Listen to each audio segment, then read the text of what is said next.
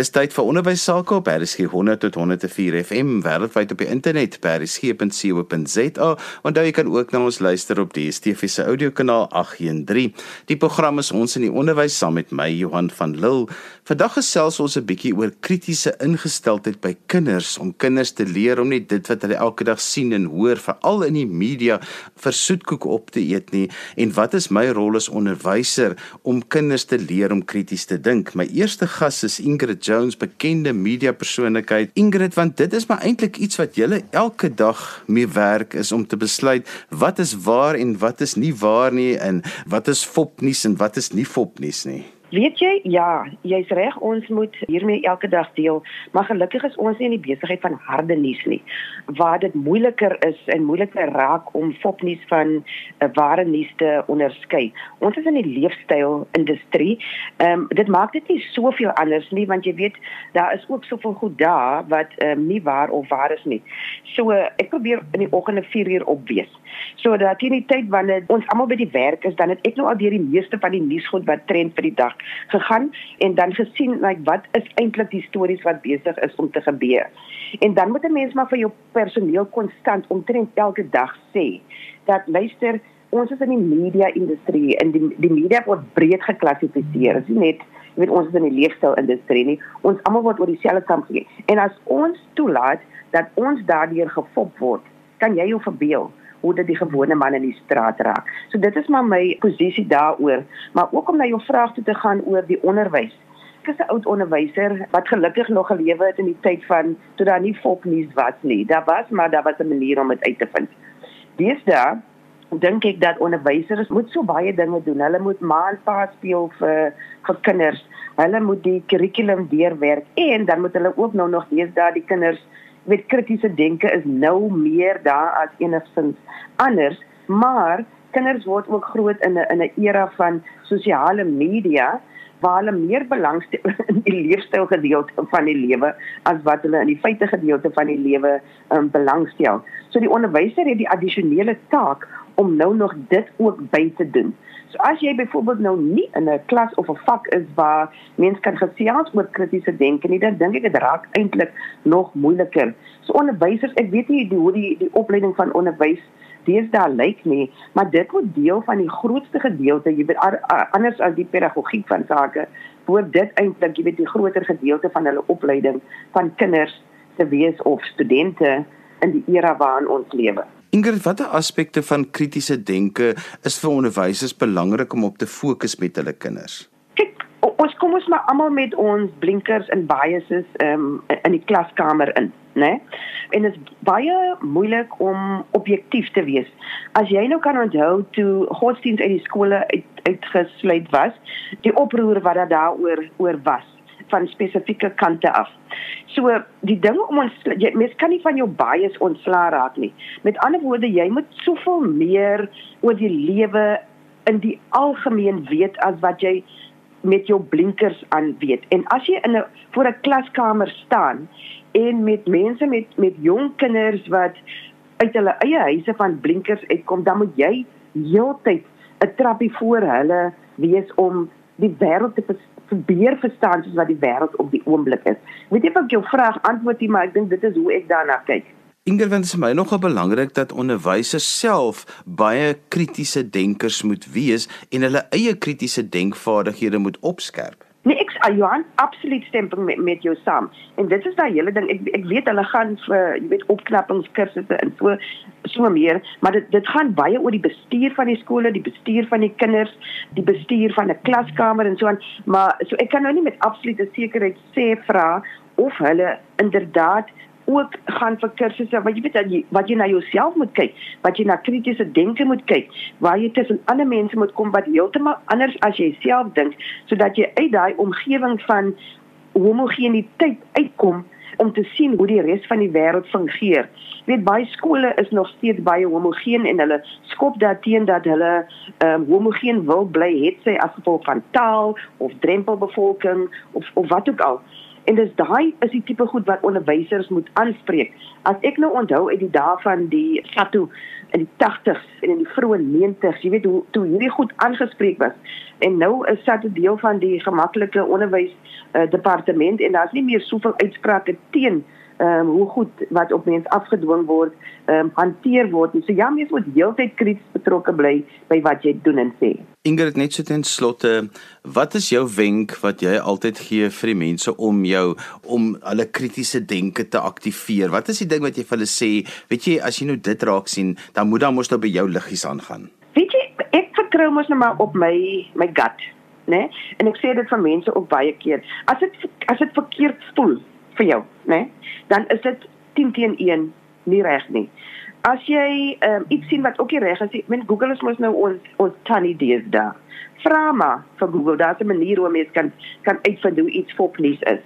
As iets te veel geforward is dan uh, op die WhatsApp groepe en dit kom na jou toe en dan staan klaar forwarded many times, dan moet jy weet dit 'n uh, eintlik 'n absolute pot vol snot.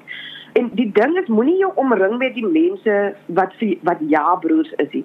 Sorg dat jy jouself omring met mense wat jou uitdaag om anders te dink. Die persoon wat jou die kwaadste maak, dit is daai persoon wat jou eintlik druk om met 'n beter argument na 'n situasie toe te kom. En so gesels joernalis Ingrid Jones Volgende gesels ek met George Klasen, lank betrokke gewees by die departement van journalistiek en hy het 'n vele rolle wat hy speel in die media landskap. George, om vir kinders kritiese denke te leer, wat is jou gedagtes daaroor want dit is so belangrik vir hulle? Ja, dit is geweldig belangrik en ek dink in hierdie tyd van COVID het dit nog meer belangrik geword want daar is geweldige baie fopnuus wat uh in die media gepubliseer word of wat veral op die internet versprei word. En uh, mense, kinders spesifiek ook dan uh, vind dit baie moeilik om te onderskei tussen wat wat is nou eintlik waar wat ons lees hier op die internet op ons uh, slimfone of, of waar ook al. En uh, en om daai onderskeid te maak is nie altyd so maklik nie want uh, nie almal is wetenskaplik ingestel nie of het die historiese kennis of die agtergrond om enige uh, aansprake wat wat gemaak word te kan evalueer en te kan te, te kan uh, uh, weeg op 'n skaal nie of dit waar is of nie George, jy het lank gewerk met studente wat by jou aankom, dan is hulle gewoonlik al nagraads, so mense verwag dan meeste van die tyd dat hulle wel kritiese lesers moet kan wees. En dan is dit nogal baie keer 'n skok vir 'n mens as 'n mens vir hulle begin na goed wys en kom jy agter maar hulle het nog 'n ver pad om te loop. So, watter dinge het julle byvoorbeeld al gedoen om kinders meer bewus te maak of op daai stadium jong mense, studente meer bewus te maak dat hulle om kritiese lesers en kritiese denkers te wees wat onderwysers dalk ook in hulle klaskamers kan gebruik? Wel ek dink onderwysers kan baie leer by die beginsel wat in die journalistiek geld en dit is dat uh jy kan byvoorbeeld glad nie 'n goeie joernalis wees. Ek dink byvoorbeeld jy kan glad nie 'n goeie burger van jou land wees as jy nie krities denke het nie. En ons in die journalistiek uh, volg baie uh sterk riglyne wat beklemtoon dat jy moet kan krities dink. Jy moet uh en om te kan krities dink, moet jy jou wêreld ken. Uh en ons het byvoorbeeld by Stellenbosch Universiteit 'n kursus ingestel wat uh, ons kulturele geletterdheid noem wat eintlik maar meer kom op algemene kennis wat mense 'n breër eh, konsep gee die studente 'n breër begrip gee van die wêreld waarin hulle moet funksioneer jy weet joernaliste moet baie duidelik as interpreteerders van die nuus uh, hulle rapporteer nie net die nuus maar hulle moet kos die nuus interpreteer. En daardie interpretasie moet op korrekte feite gebaseer wees. As ons nie die feite ken as joernaliste nie en eh, en ek wil dit weer eens terugbring na jong kinders hoe ons hulle van kleins af eh, in die huis grootmaak. Leer ons hulle om net eenvoudig ons stap in 'n stadium af van die tandmy storie en van uh, Vader Kersfees en so. Uh daar's baie sulke sulke mites wat ons skep en wat baie goed is want ons dit is 'n vriendelike manier van om jou omgewing om te gaan in een of ander stadium stap jy daarvan af. En wat ons vir die studente probeer leer en wat ons dink skoolkinders baie duidelik uh, onderwysers vir hulle kan leer is dat daar eintlik drie slegte redes is om enigiets te glo. as jy byvoorbeeld na 'n berig sou kyk of na 'n aanspraak uh, op uh, in die media. Uh in die eerste slegte rede is tradisie. Jy glo iets omdat tradisie is. Ons kry dit baie in die kwaksalwer bedryf in die mediese terrein. Ons het nou gesien met COVID. Baie mense sê vir jou, ja, maar die Chinese of oosterse ehm uh, medikasies is al 3000 of as, as al eeue oud, daarom is dit goed. Dis die tradisie het dit reeds bewys. Tradisie bewys niks. Die tradisie kan vir jare lank op verkeerde grondslag gebou wees. Die tweede ding is autoriteit of gesag. Glo die kind dit omdat die onderwyser dit sê of die dominee dit sê of die of pa en ma dit sê of watter gesagsposisie die persoon wat dit aan hom sê of haar sê beklee. Uh, autoriteit is nie noodwendig die waarheid nie. Ek sê nie 'n kind moet gesag uitdaag nie, willens en wetens nie, maar ons moet kinders leer om te bevraagteken. Meneer uh mevrou uh onderwyser, dit wat u nou in die klas sê is blootgewoon nie waar nie. Of is u seker dat dit wat u sê die waarheid is? En die derde, die derde uh, slegte rede om enigiets te glo is openbaring. Dat mense sê ek het 'n openbaring gehad en op grond van weet nie wat nie, sê maar 'n heilige boek of 'n iemand 'n visie het aan my verskyn of wat ook al. Dit is nie 'n rede om te glo dat dit waar is nie. En Johan, ek wil beklemtoon dat die die basis van om enige aanspraak te glo en om kritiese ingesteldheid by kinders te kry is dat jy die basiese vraag moet vra waar is jou bewyse? Die wetenskap werk met bewyse. Ons kyk dit sien dit dwarsteer met covid. Hoe kan ons vasstel of 'n enstof werk die wetenskaplikes toets dit hulle toets dit met 'n klein groepie mense en dan gaan hulle na 'n groter groep en hulle kyk na al die resultate om te sien of dit werk teen 'n spesifieke siekte. En daai bewyse wat hulle kry, gee hulle gerusstelling dat iets werk en dat hulle kan voortgaan uh, om 'n enstof te ontwikkel. Daar's baie sulke voorbeelde. Daar's baie mense wat byvoorbeeld ontken dat die die Holocaust, die die die mense slagting tydens die Tweede Wêreldoorlog teen Jode en teen almal wat nie gedink het soos die nasies gedink het nie, uh ooit plaasgevind het nie. Terwyl die bewyse absoluut oorweldigend is dat dit wel plaasgevind het. So wie is die gesag wat dit vir jou sê? Waar is die bewyse? En dit is baie belangrik dat ons dit moet aanvaar en en en en daarvolgens moet werk. George net so in kort Daarom is dit so belangrik dat kinders oor 'n geweldige breë algemene kennis moet beskik want baie keer is mense deesdae met tieners gesels dan sê hulle ag net ek gaan wil dit weet ek gaan kyk dit net op. Ja, en, en, en, en dit bring jou by die die, die kardinale vraag uh, Johan is waar kyk jy dit op? Wat is dit wat jy opkyk en wat is dit wat jy glo? En dit is as 'n soort van 'n uh, grondslag beginsel wat ek vir, vir my studente leer en wat ek daagliks werk as ombud as ombudsman van Media 24 in terme van mense wat klagtes by my lê is dat mense hulle onsin verklikkers moet aanskakel. Jy weet Carl Sagan, die groot astronoom van Amerika, het die beginsel geskep van 'n baloney detector en ek het dit vertaal in Afrikaans na onsin verklikker en dit is in die woordeboek van die Afrikaanse taal opgeneem.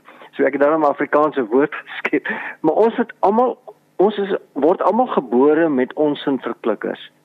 Maar baie van ons skakel nooit 'n ons in verklikker aan nie. Ons glo alles wat vir ons gesê word of wat in die media verskyn of wat gesag of autoritaire autoriteitsfigure vir ons sê of tradisie of openbaring. En ons bevraagteken nie dinge genoeg nie. Ons moet baie meer krities dink in die grondslag vir enige geloofwaardigheid van enige aanspraak is wat jy vir jouself moet sê, nou maar goed, wys my waar is die bewyse van dit wat jy nou sê. En as jy nie vir die bewyse kan bring nie, dan kan jy baie ernstige twyfel daaroor lê. En mense moet baie versigtig wees. Uh, skoolkinders wanneer hulle iets gaan Google, uh jy weet baie mense gaan na dokter Google toe en dan gaan hulle na webwerwe toe wat totaal 'n uh, klomp twak vir hulle verkoop wat nie op mediese gronde gebaseer is nie. En dit kan baie gevaarlik wees as jy die verkeerde inligting vat en dit gaan glo.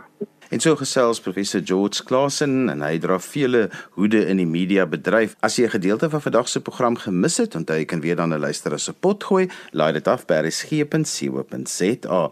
Volgende gesels ek met Dr. Marinet Jordaan en sy is betrokke by die Universiteit van Stellenbosch se departement van journalistiek as 'n lektor en navorser. Ons gesels vandag 'n bietjie oor kritiese denke, hoe om kinders bietjie uit te daag oor wat hulle sien en dink en hoor en voel. Marinet, jy werk spesifiek met die studente vertel vir ons waar moet ons hierdie groot probleem begin aanpak?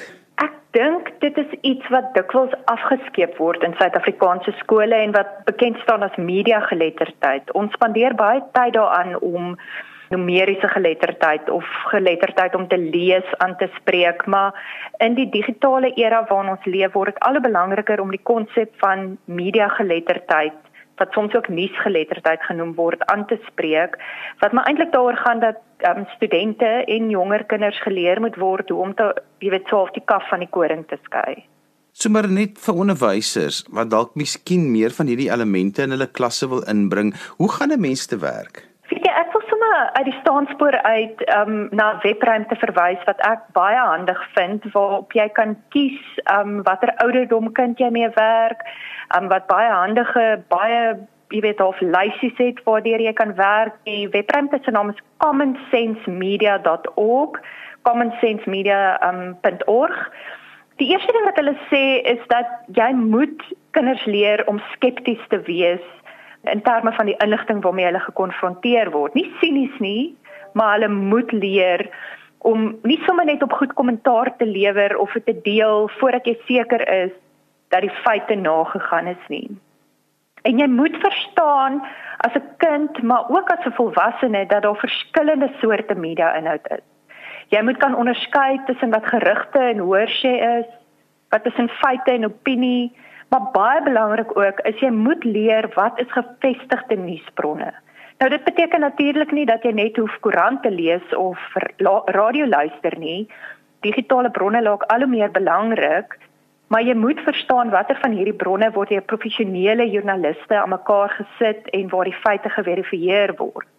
Een ding wat ek dink wat nogal problematies is veral in die era van sosiale media is dat inligting soos 'n veldbrand versprei wat mense noem dat dit viral gaan. En dikwels is daardie inligting buite konteks.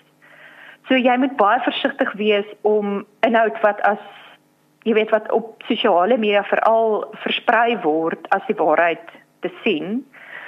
En dan ek dink wat vir my baie belangrik is, is dat jy moet begin leer hoe om te verstaan dat 'n storie het verskillende kante. En dit ek dink 'n les wat hulle hier vir 'n kind leer is as jy in jou sussie beklei, het elkeen van julle mos nou 'n opinie of 'n siening oor wat is eintlik die waarheid. En dit is waar met alle inligting waarmee mens gekonfronteer word. En nie een bron sal vir jou al die kante van die saak sien nie. So om die volledige prentjie te skets, is dit altyd beter om na meer as een bron te kyk. Maar net dis vir my nogal belangrik dat kinders en veral tieners en hoërskoolleerders bietjie ook moet verstaan hoe werk nuuskantore en mense wat nuus saamstel en joernaliste en webwerwe se koppe want dis altyd vir my baie vreemd dat hulle baie keer iemand wat hier langs die kant staan en 'n paar skote opskiet kry dan baie keer hierdie geweldige hoeveelheid media blootstelling maar hy skiet eintlik maar net uh, windskote en dis niks daarvan is eintlik regtig in in publieke belang om te weet nie so verduidelik 'n bietjie vir my van daai proses want dit help ook baie keer vir mense om te kan besluit hoe krities moet ek wees teenoor dit wat ek lees of hoor. Dis 'n baie goeie punt wat jy maak Johan want uh, ons leer vir die journalistiek studente wat hulle amper journalistiek 101 sal um, noem is wat is nuuswaarde. En nuuswaarde sluit goed in soos um, wie is daarbey betrokke, hoe belangrik is daai persoon, hoe naby gebeur dit aan die mense wat die bron lees, maar dit sluit ook goed in soos vreemdheid. Jy weet ongewoonheid. So daai stories, jy weet van wat ons gereeld van lees van goed wat ons nie van tevore oor gehoor het nie. Dit is interessant en ook in ook, ook in die openbare belang, maar die een probleem wat ons het met en al hoe meer met nuuskantore wat al hoe kleiner word, is dat die persoon wat die hardste praat, as ek dit so kan stel, word dikwels die platform gegee. Want hulle is die mense wat die inligting jy weet so op op 'n op 'n seepkus gaan staan en praat en omdat dit vir joernaliste makliker is en hiermee kritiseer ek nou my eie bedryf jy weet dan luister hulle na die mense wat praat want dit is meer moeite om uit te gaan en te soek na die stemme wat nie dikwels gehoor word nie so dit is van die kritiese kant af maar wat mense moet verstaan in terme van die openbare belang en die verskil tussen wat is wat is interessant vir die publiek en wat is van belang vir die publiek is dat die media moet 'n balans tussen albei vind die media is nie net daar om vir die mense inligting te gee wat dikwels as negatief ehm um, beskou word nie. Jy weet alles van um, hoe kan ek dit stel moord en doodslag tot korrupsie. Ehm um, dit is die media se taak om daai goed oop te vlek, maar dit is ook die media se taak om vir mense jy weet ontspan en jy weet ontspan te help ontspan om um, te vermaak op te op te voed. So ek dink wat belangrik is in hierdie geval is om te verstaan dat daar altyd 'n balans sal wees in die nuusaanbod. Of jy dit nou aanlyn kry of jy dit op RSG op radio nuusberigte kry of jy dit op televisie nuus sien, jy sal altyd goed kry wat mense oorwonder nou maar hoekom is dit in die nuus? Is dit nou sensasioneel? Is dit regtig iets waarna ek belangstel?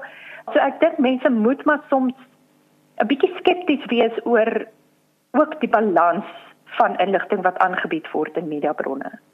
Maar net 'n ander aspek wat vir my belangrik is van media geletterdheid is om jou joernaliste te ken en dat 'n mens met jou kinders baie tyd sal spandeer dat hulle hulle joernaliste sal ken. Want dit is my altyd so interessant mense weet dadelik van wiese boeke hulle hou hulle weet van wiese tipe flieks hulle hou hulle weet van wiese musiek hulle hou. Hulle moet ook weet van wie as joernaliste hulle hou en wat hulle kan vertrou. Jy moet as jy weet hierdie persoon uh, doen altyd fantastiese navorsing. As dit kom by mediese rubrieke dan weet jy ek kan maar lees en ek kan kan glo en ek hoef nie so krities te wees terwyl ek dit lees nie. As iemand skryf oor wetenskap, weet ek ja, hierdie persoon doen altyd goeie navorsing. So en om ons kinders bewus te maak van watter van ons joernaliste is regtig knap en doen baie moeite om dit wat hulle daar buite neer te sit, is darm iets waaroor hulle regtig bietjie gedink het.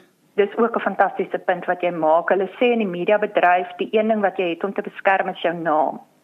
So as 'n joernalis regtig iemand is wat al kredietwaardigheid opgebou het um, in terme van hulle reputasie, dan sal dit altyd mense wees wat al hoe harder werk om seker te maak dat hulle daai goeie reputasie kan handhaaf.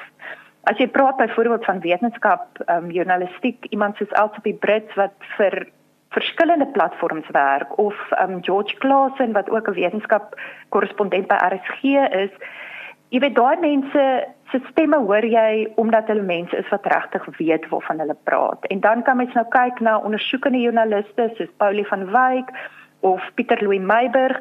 Ek stem 100% met jou daarmee saam dat kinders en tieners en volwassenes almal moet leer om te sê maar goed Ek weet daai persoon is iemand wat hulle navorsing doen. Ek weet dit is iemand wat ek kan vertrou. Jy moet die die naam van die joernalis net so goed leer ken soos die platform waarvoor hulle werk want deesdae sal jy ook sien dat um, sommige joernaliste werk op meer as een platform. So jy kan definitief um, daaraan werk om die joernaliste volg wat miskien noodwendig vir RSG soms berigte lewer, maar ook op die nuus um hulle nuusverslaggewing doen of miskien vir een of ander aanlyn platform skryf. So ja, dit is baie belangrik net soos jy van 'n skrywer se boeke hou of weet 'n skrywer doen moeite om hulle stories te vertel, moet jy ook glo dat daar sommige joernaliste is wat harder werk om hulle feite te verifieer. Maar net so 'n slotgedagte, as jy nou voor 'n klas van 40 tieners moet staan en jy wil hê hulle moet bietjie meer krities dink, wat sal jy vir hulle sê?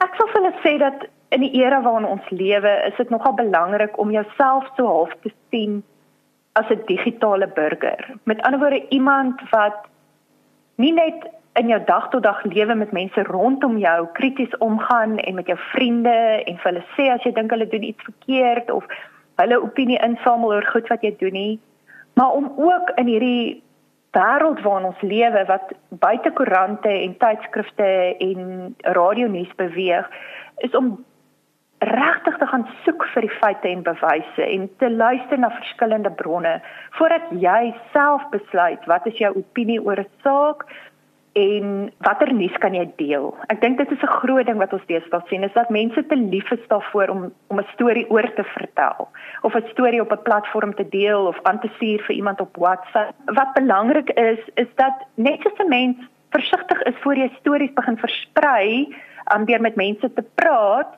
oor goed wat jy gehoor het, hoor sê of gerugte moet 'n mens baie versigtig wees om inligting oor nuusgebeure of nuuskwessies te deel voordat jy seker gemaak het dat jy uit verskillende bronne inligting ingesamel het en regtig gesoek het na die ware feite en die doel van die bron wat die inligting oordra. En so gesels Dr. Marinet Jordan, sy is 'n lektor by die departement journalistiek aan die Universiteit van Stellenbosch. Ons het vandag gesels oor kritiese denke by kinders. Onthou jy kan weer na vandag se program luister as 'n potgooi, laai dit af by reskepen.co.za. daarmee groet ek dan vir vandag tot volgende week van my Johan van Lille. Totsiens.